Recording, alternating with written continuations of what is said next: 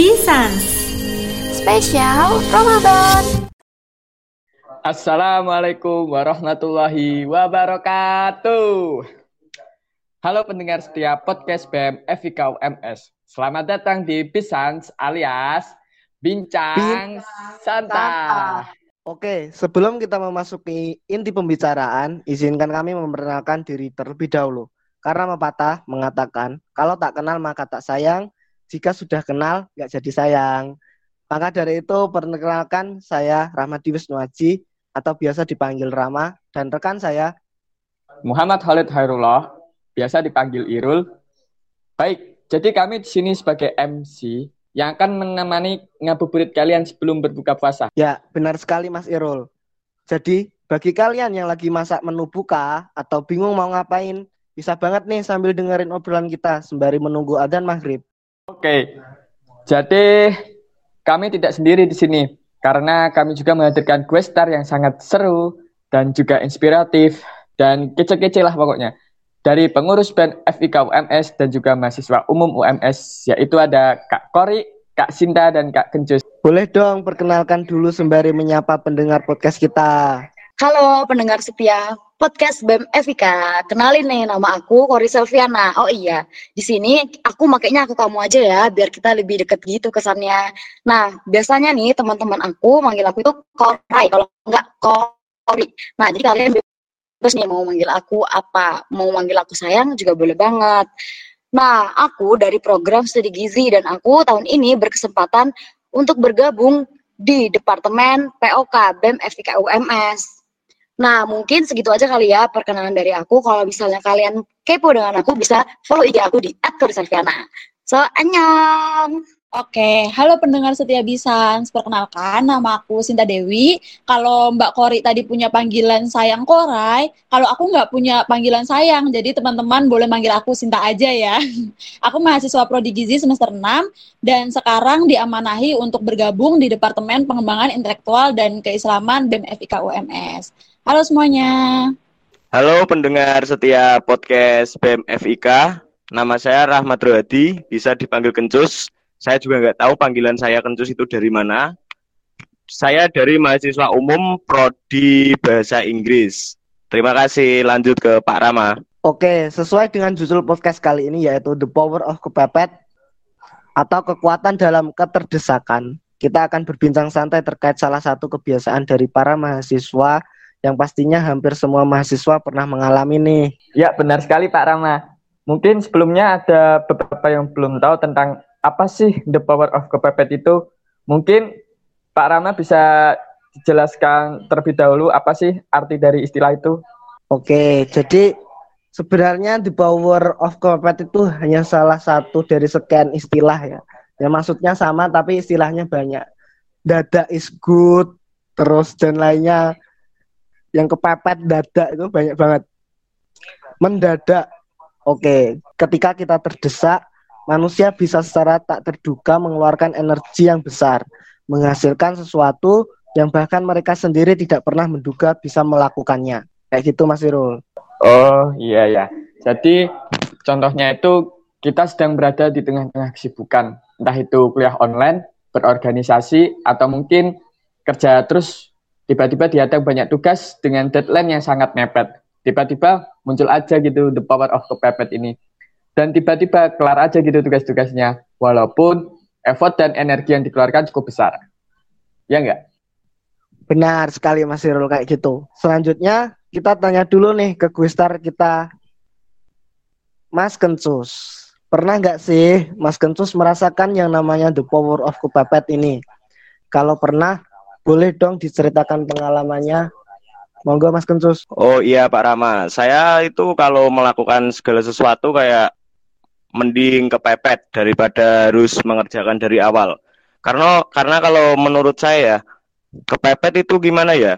Saya lebih mendapat kekuatan lebih kayak istilahnya ninja-ninja di dalam tubuh saya itu keluar kalau saya sedang kepepet.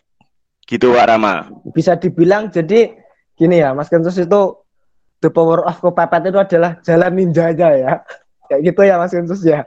Iya, benar sekali Pak Rama karena kalau saya nggak kepepet itu lebih kurang bersemangat buat ngerjain sesuatu. Oh ya, jadi uh, apa sih yang melatar belakangi Mas Kencus itu uh, senang melakukan sebuah kegiatan atau aktivitas secara mendadak atau the power of pepet itu apa sih sebenarnya? Ya sebenarnya saya itu kalau mengerjakan di awal itu lebih kayak bermalas-malasan. Kalau orang Jawa bilang itu gampang nih menyepelekan. Jadi kalau saya apa udah kepepet kan jadi lebih kayak tenaga saya udah kekumpul semua buat ngerjain sesuatu. Oh, jadi semua the power of kepepet itu Mas Kentus lakukan ketika Mas Kentus itu menggampangkan sesuatu aktivitas atau sesuatu kegiatan. Jadi ini mungkin juga pernah terjadi kepada saya ya waktu apa sih melakukan sebuah kegiatan atau ada kegiatan semacam kita juga menggampangkan. Oh ya masih jauh masih jauh. Tapi kalau waktu kita pikir jauh-jauh kita pikir lagi sudah dekat kayak gitu. Jadi nggak menggampangkan itu yang nanti hasilnya ya the power of kepepet kayak gitu itu mungkin juga dirasakan real, real life ya Mas Kentus ya. Iya, bisa begitu Pak Rama. Tapi di sini aku bukan mengajarkan untuk semua pendengar ini buat bermalas-malasan di awal ya. Ini gimana ya udah kebiasaan gitu Pak Rama. Tapi jangan dicontoh lah. Ini kurang baik buat dicontoh. Iya. Kalau dari Mas Kentus sendiri uh, ada nggak sih cara untuk mengurangi setidaknya. Kalau kita langsung menghilangkan kan susah. Kalau cara mengurangi the power of pepet itu gimana? Ya kalau mengurangi itu dari diri sendiri sih Pak. Ibaratnya kayak lebih ke kita membiasakan sesuatu lah buat tidak selalu kepepet. Mungkin lebih di awal jangan malas-malasan lah. Lebih baik kan dikerjakan di awal daripada di akhir kan. Hasilnya juga lebih maksimal kalau dikerjakan di awal gitu Pak Rama. Oh ya itu ya teman-teman mendengar podcast Bisans. Jadi kalian bisa uh, mengikuti langkah-langkah jika kalian sering melakukan the power of kepepet karena menggampangkan sesuatu atau kegiatan atau aktivitas dan lain sebagainya, kalian bisa uh, melihat diri kalian sendiri kok aku gini ya. Ada hal yang apa ya semu awalnya itu bisa aku lakukan nggak menggampangkan atau bisa dilakukan di awal tapi malah dilakukan di akhir kayak gitu. Terima kasih Mas Kencus. Iya Pak sama-sama. Oke, pertanyaan selanjutnya untuk Kak Sinta nih. Kak Sinta sebagai seorang mahasiswa yang juga aktif di organisasi pasti memiliki banyak kesibukan nih. Nah, di tengah-tengah kesibukan organisasi dan juga kuliah, terkadang kita harus dihadapkan dengan keadaan yang di mana kita dipaksa untuk bisa mengerjakan lebih dari satu pekerjaan dan harus terlampaui dalam satu waktu. Lalu, bagaimana sih cara Kak Sinta membagi waktu dan tenaga antara kuliah, organisasi, keluarga, dan pekerjaan lain supaya bisa berjalan terlampaui dengan baik? Oke, makasih pertanyaannya Mas Irul. Uh, sayangnya nih, aku bukan mahasiswa yang multitasking gitu loh. Jadi kayak bisa melakukan segala hal dalam satu waktu gitu. Jadi aku lebih ke manajemen waktu aku. Nah, apalagi sebagai mahasiswi hampir akhir ini ya, uh, apa manajemen waktu itu penting banget gitu. Apalagi juga di masa pembelajaran jarak jauh gini, tugas makin banyak. Iya nggak sih? Kalian ngerasain nggak kalau tugas kalian makin banyak? Iya kak, benar. Mm? Kerasain. Nah, aku biasanya itu menjadwalkan nih apa aja yang bakal aku lakuin dalam satu minggu ke depan di hari Ahad gitu. Jadi semacam to-do list dalam satu minggu ke depan. Nah, untuk manajemen waktu aku sendiri, aku sedikit memodifikasi metode Podomoro. Jadi kita membuat jendela kerja, ada jam kerja kita dan ada jam istirahat kita yang disesuaikan dengan kemampuan kita sendiri. Jadi setiap individu pasti beda gitu. Selain itu, aku juga memaksimalkan weekdays aku sebagai hari produktifku. Jadi di hari Senin sampai hari Jumat dari pagi sampai sore, aku benar-benar memaksimalkan untuk kuliah dan ngerjain tugas-tugas yang berjibun Masya Allah banget itu. Terus di sore harinya nih aku gunakan untuk istirahat sambil nunggu berbuka puasa, nyari takjil lah ya. Uh, apa namanya? Dan habis maghrib sampai isya, aku biasanya fokus untuk beribadah gitu Setelah itu baru deh aku gunakan buat rapat, diskusi organisasi, dan sebelum tidur aku biasanya sempetin buat Nixen. Nixen itu semacam self healing gitu. Uh, biasanya aku gunain buat muhasabah diri aku sih, evaluasi apa aja sih yang udah aku lakuin dalam sehari ini gitu. Terus kalau untuk keluarga dan pekerjaan lain, aku fokuskan di hari weekend aku. Jadi di hari Sabtu dan hari Minggu, itu kalau misalkan nggak ada proker yang berjalan di hari Sabtu aku gunakan untuk hangout, main, liburan gitulah. Pokoknya mengisi dan juga sedikit healing aku udah ngelakuin banyak hal di minggu sebelumnya gitu kan. Terus di hari minggunya aku gunakan untuk family time plus beberes kos. Karena aku lagi di Solo dan orang tua aku di Jakarta jadi kita itu lagi LDRan gitu deh jadi family time-nya ya dengan telepon orang tua, video call, tanya kabar, terus cerita-cerita apa aja yang udah aku lakuin dalam seminggu kemarin sambil ngecharge semangat lah. Soalnya kalau misalkan kita telepon orang tua, pasti tuh dapat siraman kolbu kan, banyak tuh nasihat-nasihatnya. Nah, itu buat aku semangat sih untuk menjalani minggu berikutnya. Terus kalau misalkan semua to-do list aku dalam satu minggu itu udah aku lakuin, biasanya aku gunakan sisa waktunya itu buat hobi aku gitu emang sih ya kalau didengar-dengerin itu agak monoton gitu loh kayak itu itu doang yang dikerjain gitu. Tapi aku senang banget sih aku enjoy buat ngelakuinnya. Karena ya bisa nyimbangin antara kuliah tugas organisasi keluarga tetap main. Yang paling penting tuh terus hobi dan juga kegiatan-kegiatan lainnya. Jadi aku bisa ngelakuin semuanya gitu Mas Irul. Jawaban dari Kak Sinta ini keren sih keren bisa bisa dicontoh cara memanage waktunya. Jujur jujur Kak Sinta aku sendiri paling susah gitu loh untuk memanage waktu. Uh, mungkin Kak Sinta punya tips apa itu agar kita bisa konsekuensi gitu loh Kak. Kalau yang model orang-orang gampang bosen gitu kan. Oke, kalau aku sendiri sih, kalau misalkan aku udah bosen sama kegiatan aku yang monoton banget itu tadi ya, aku biasanya ya itu kayak um, nonton YouTube gitu. Pokoknya sedikit meluangkan waktu di jam istirahat aku buat aku tuh nggak mikirin tugas dan proker-proker gitu. Jadi tetap ada apa ya mid time buat aku gitu. Dan kalau misalkan bosan itu wajar banget nggak sih? Kita pasti kita punya rasa bosan dong. Nah, iya Kak. Misal kita lagi nugas nih, terus kita bosan, ah pengen uh, nonton YouTube dulu bentar uh, buat refreshing sebentar. Nah, itu nanti malah kalau dari aku sendiri malah jadi tambah males sih loh, malah keenakan. Itu gimana kalau Mbak Sinta? Iya bener banget. Aku juga kayak gitu tuh awal-awal apa ngelakuin metode Podomoro ini kayak waktu jam istirahat yang aku gunakan itu biasanya aku molor-molor ini bisa yang tadinya cuma 30 menit aku bisa sampai satu jam sampai satu jam setengah gitu kan. Suka nggak kontrol tapi uh, karena aku inget tanggung jawab aku sebagai mahasiswa dan juga punya apa namanya kewajiban di organisasi jadi aku lebih bisa memanage diri aku gitu loh. Kayak aku harus disiplin nih karena aku punya tanggung jawab. Dan mungkin juga itu juga bisa dilakuin buat teman-teman semua gitu. Kayak lebih mendisiplinkan diri gitu sama apa yang udah kita jadwalkan. Biar gak molor-molor kayak tadi itu. Oh gitu ya kak ya. Terima kasih dari kak Sinta. Nah pasti ada masa di mana kita benar-benar merasa capek, bosan, stuck atau bahkan down. Di saat kita berada di titik bawah, kita pasti butuh yang namanya support system. Nah, pasti udah tahu ini support system by support system ya untuk membantu kita bangkit entah itu support system dari diri sendiri ataupun dari orang lain. Selain support system, kita juga butuh yang namanya self reward sebagai penghargaan pada diri kita setelah berjuang memakai sesuatu, mencapai sesuatu atau setelah menyelesaikan tugas dan pekerjaan kita yang berat. Pertanyaannya, apa sih support system Kak Kori di saat sedang stres atau down dan juga bagaimana sih cara Kak Kori memberikan self reward kepada diri sendiri? Hmm, oke, okay. menarik nih ya tentang support system di kala kita sedang down atau stres dan self reward. Nah, ngomong-ngomong tentang stres nih, sekarang itu kan kita tuh sering banget nih kayak ngeklaim diri kita, ya Allah aku udah stres banget nih kayaknya. Itu kan itu tuh kayak saat di mana otak kita dan keadaan kita tuh udah bener-bener tidak bisa diajak kerjasama fisik kita masih kuat untuk melakukannya tapi ot, uh, tapi tidak dengan otak kita. Otak kita tuh udah minta berhenti.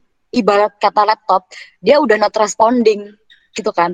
Nah kepribadiannya kita pun jadi juga agak berubah. Yang awalnya kita cheer up kita bahagia periang tiba-tiba jadi pemurung.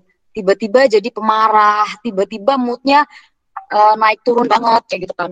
Nah apalagi dengan kondisi kita yang sekarang nih kita kan baru puasa ya kita juga baru uh, sekolah uh, baru daring baru kuliah online banyak tugas dan sebagainya pasti uh, kita tuh susah banget buat struggling melawan emosinya kita kayak gitu Nah, di saat kita stres itu ada sesuatu yang hilang nih dari diri kita, teman-teman. Menurut aku, yang hilang dari diri kita adalah kebahagiaannya kita atau rasa nyaman kita terhadap hidup ini tuh terkikis kayak gitu. Jadi apa sih yang harus yang harus kita temukan kembali? Yang harus kita temukan kembali ya happinessnya itu. Jadi kita harus finding happinessnya itu dengan apa? Dengan pastinya kita yang uh, ada ada yang namanya support system ya kan entah itu seseorang atau itu sesuatu. Nah, tadi uh, Pak Rama tuh sempat mention bahwasannya uh, eh, self reward itu datangnya dari bisa dari mana aja, bisa dari orang lain maupun dari diri sendiri. Nah, kalau dari aku sendiri nih teman-teman, um, support sistemnya aku adalah support system terbesar aku adalah diriku sendiri nih. Kenapa? Karena menurut aku, aku yang paham betul bagaimana cara mencari kebahagiaanku, gimana cari finding happinessku. Sedangkan uh, lingkunganku, teman-temanku, pacarku, idolaku, keluargaku, mereka adalah um, seseorang yang bisa menambahkan vibe-nya, bisa menambahkan energinya, tapi mereka belum tentu bisa menemukan atau mengembalikan happiness-nya kita. Nah, ngomong-ngomong tentang support sistemnya aku dari diriku sendiri biasanya dengan cara aku itu kalau baru stres banget nih aku uh, kasih self reward kepada diriku sendiri menghadiahkan diriku sendiri dengan yang namanya uh, self healing atau me time nah me time-nya aku itu bener-bener yang kayak kadang aku butuh sehari atau dua hari aku menghilang dari permukaan entah dari program kerja, entah dari organisasi, entah dari kuliah, dari mana pun. Aku cuma pengen di kamar doang gitu ibaratnya. Untuk apa sih? Untuk merelaksasikan diri, untuk untuk menenangkan pikiran, untuk menemukan moodnya kembali itu gitu. Tidak ingin memikirkan hal-hal yang membuat aku penat kayak gitu. Jadi aku butuh sehari dua hari. Terus yang aku lakuin apa? Ya bisa fun girling dengan cara aku melihat idolaku di variety show variety show mereka melihat kegantengan-kegantengan mereka. Terus uh, dengan aku melihat YouTube setiap hari uh, setiap hari. Kemudian aku nonton film sampai bisa seharian full aku nonton film kayak gitu. Nah, kalau misalnya aku bisa simpulin ya teman-teman, sebenarnya kalau misalnya kita memang baru kita capek, kita baru benar-benar down, ya udah kita stop semua dulu rutinitas, rutinitas kita yang bisa membuat kita penat. Kita istirahat dulu sebentar, kita istirahat Berarti bukan berhenti totalitas. Kita berhenti sejenak jika nanti moodnya itu sudah kembali, jika kita sudah semangat lagi, kita bangkit lagi, kita lagi semangat kita yang baru sehingga kita bisa menjadi diri kita yang cheer up lagi. Mungkin itu sih, Pak Rama. Oke. Oh ya tadi sudah dijelasin oleh Mbak Korik panjang kali lebar ya.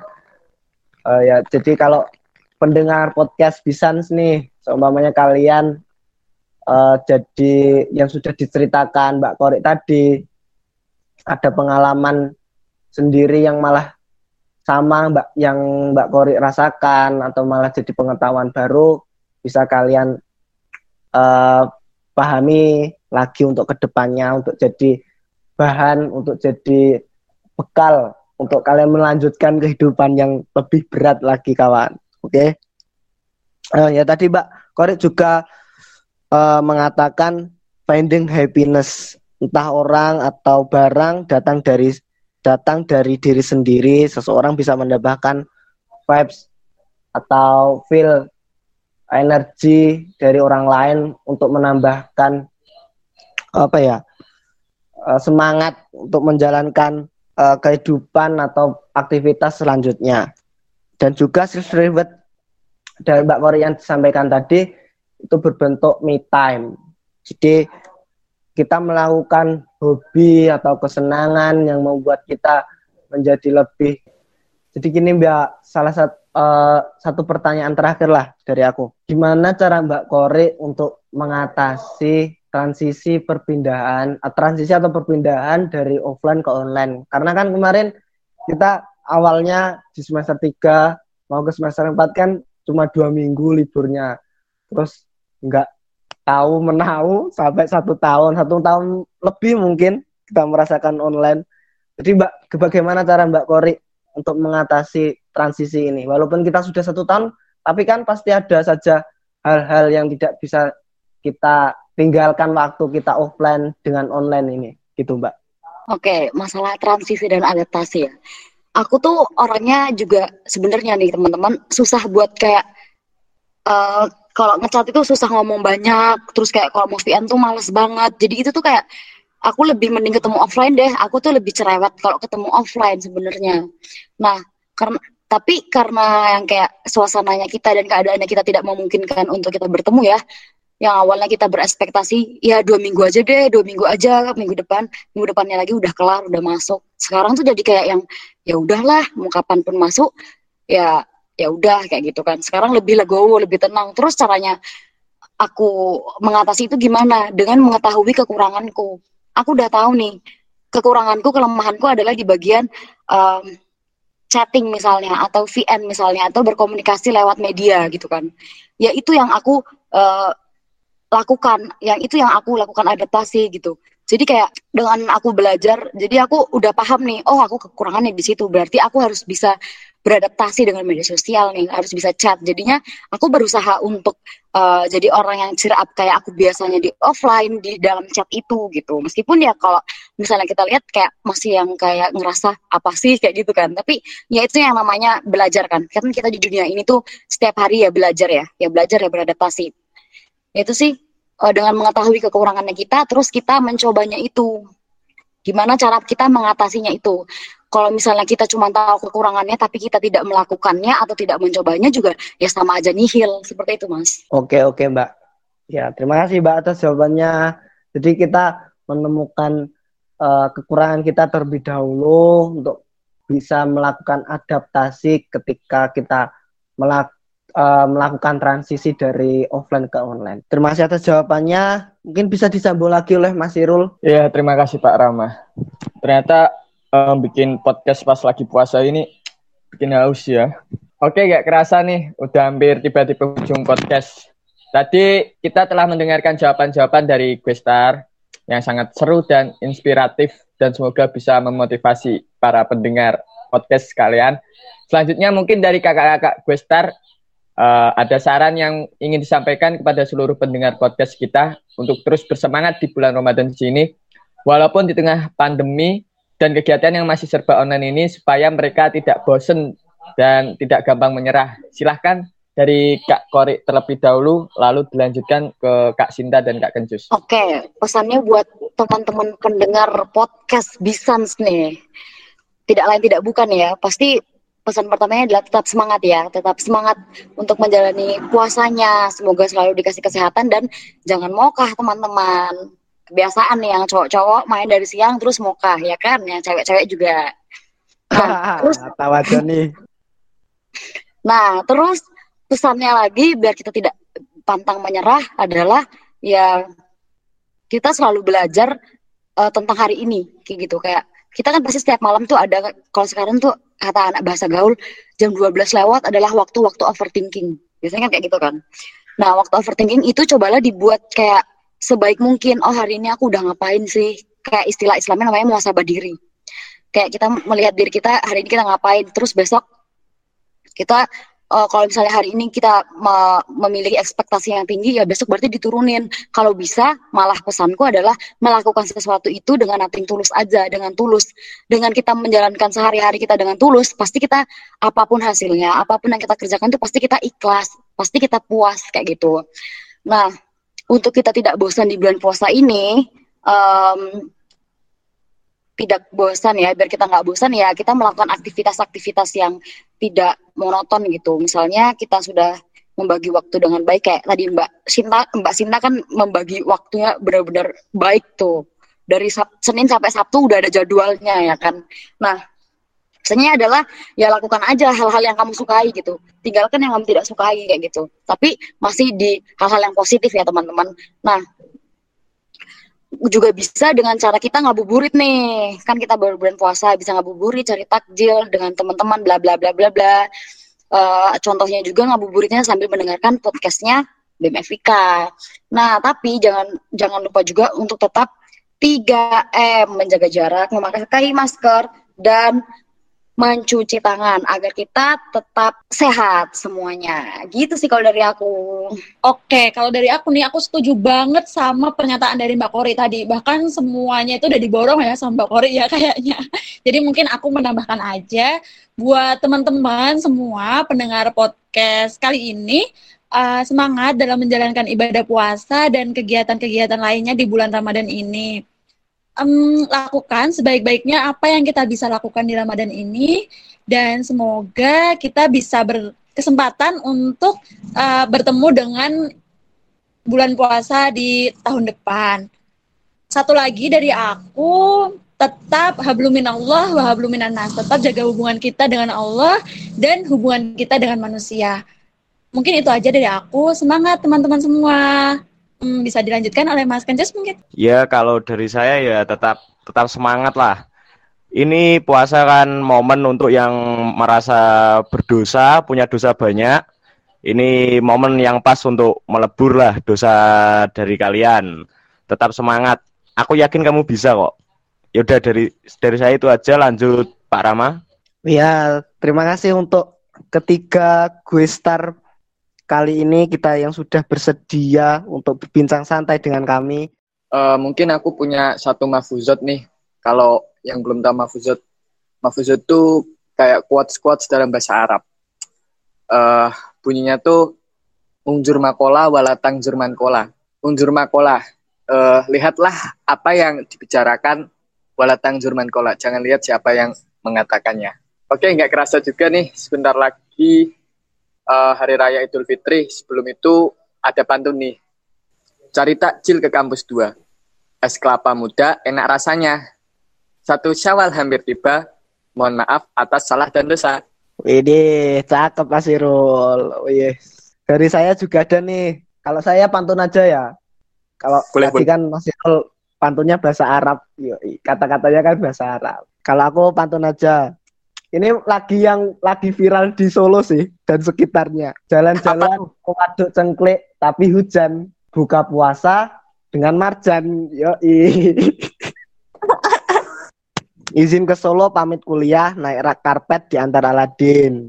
Jika selama ini ada salah, mohon maaf lahir dan batin. Tiada kata seindah kata maaf, tiada perbuatan yang seindah memaafkan. Saya mewakili keluarga BEM FIK UMS mengucapkan Minal aizin wal faizin. Mohon maaf lahir dan batin. Oke, terima kasih kepada Questar kita, Kak Kori, Kak Sinta, Kak Kencus yang sudah menyempatkan waktunya dan seluruh pendengar podcast Pisang. Sampai jumpa di podcast selanjutnya.